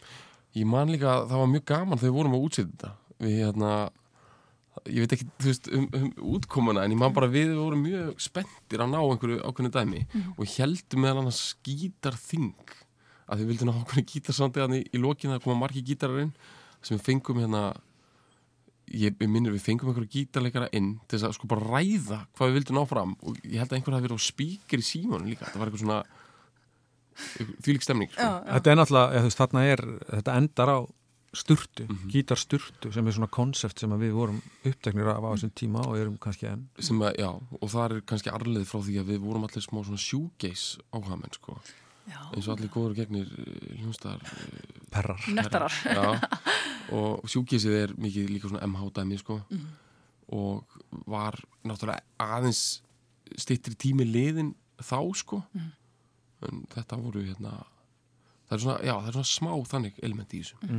Og ég man sko bara talandi um gítar ég man hafa líka til dæmis afdrifari ákvörnurinn það lifir inni á völdum stöðum scratch gítar sem að var, þú veist, scratch, sem að var áttaldrei að fara í lagi, þetta var bara svona til viðmiðunar. Já. sem er þá svona, sem er kassagítar sem kemur okkur sem, sem er svona eiginlega aðeins falskur, eða svona off. En okkur fannst einhver karakter í því. Mm. við, og ég held að það, það er mjög mikilvægt sko, það gerir mjög mikið í upphæfi lagsins.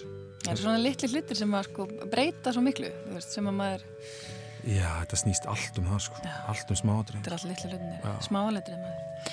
Herru, það kostar allan heiminn. Sé það oft í september Hver sárt það hugminn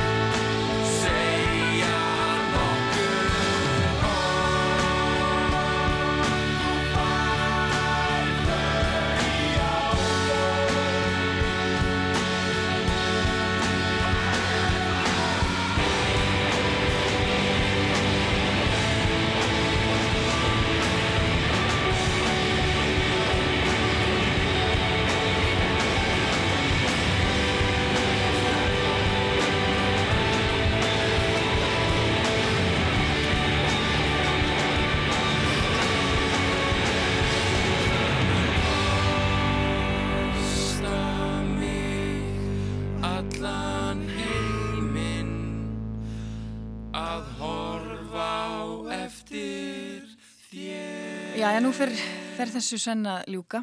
E, Þátturinn geimt en ekki glemt. Þennan sunnudaginn hér á Rástfjö og hjá mér eru þeir e, Alli Bollarsson og Bergur Ebbi Benediktsson og við erum e, búin að vera að lusta saman á plötuna Tímanir okkar sem Sprengjöðlinn sendi frá sér árið 2007 og það er komið að lægi nummi 12 áður en við förum yfir það, kannski ágætt að líta, nú erum við búin að vera að líta yfir farin veg en við kannski horfum aðeins á uh, stöðun í dag. Hvað, hvað er Sprengjuhöllin að sísla þessa dagana og, og meðlumir hennar?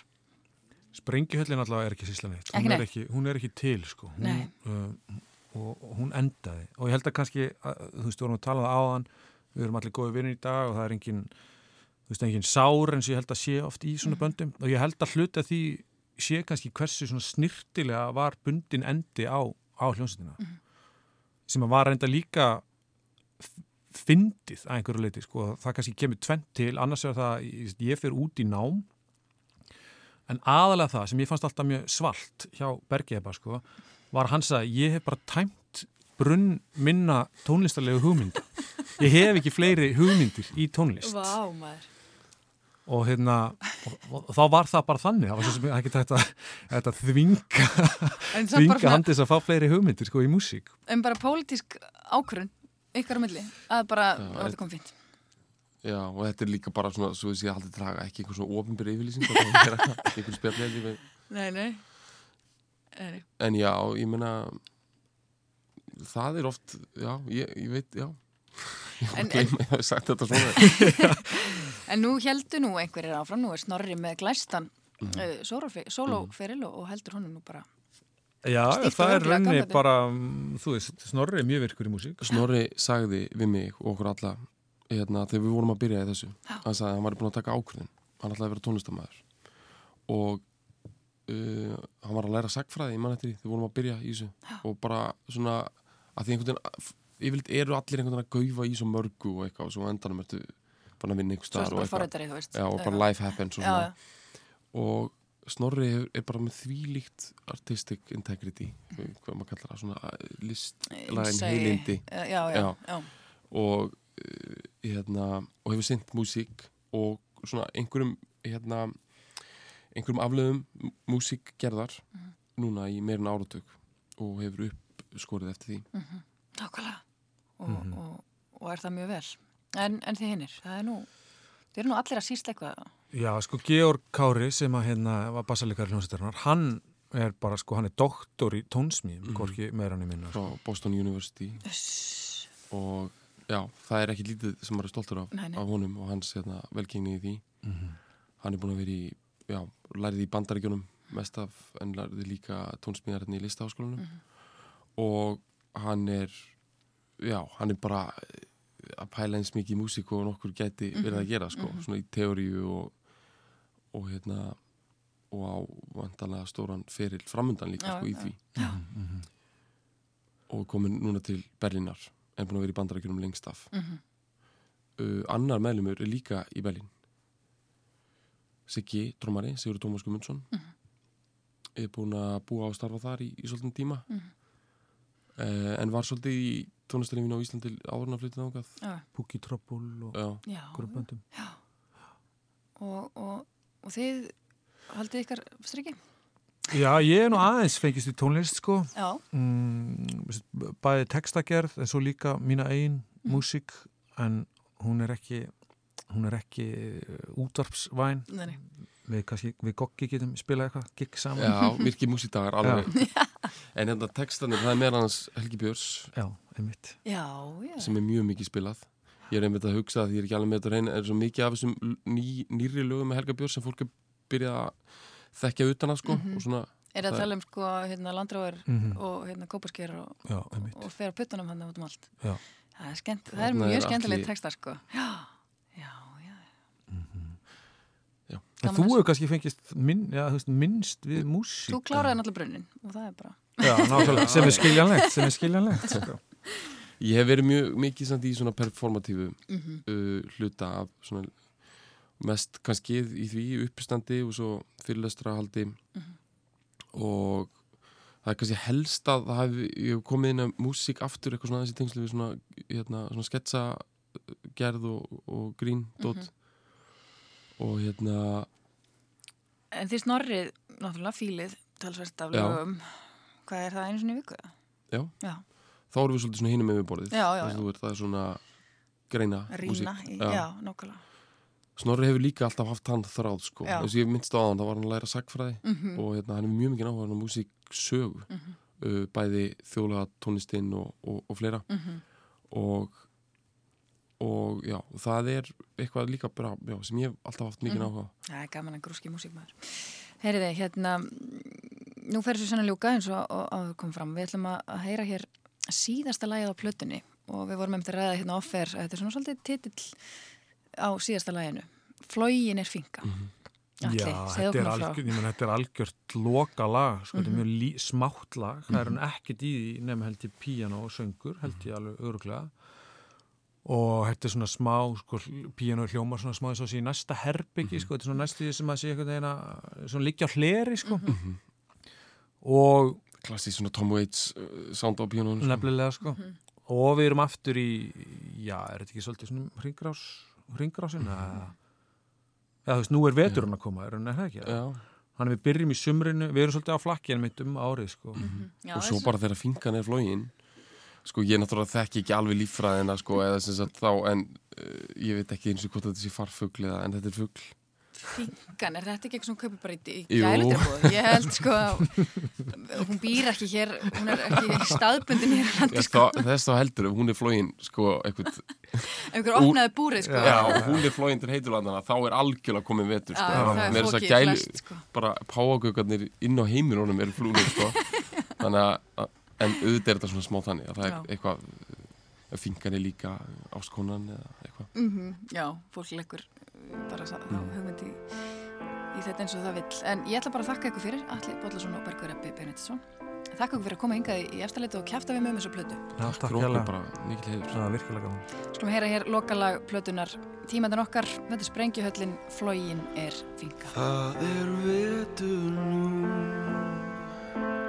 Vörn all frosin Flóin finka svo Sem fólgrá beitilín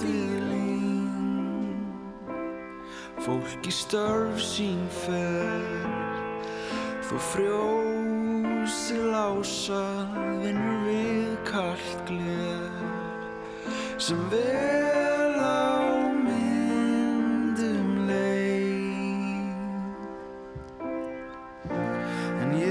heima í dag mín hrund. Og hugsa til þín djúft og víst. Og þó þú færir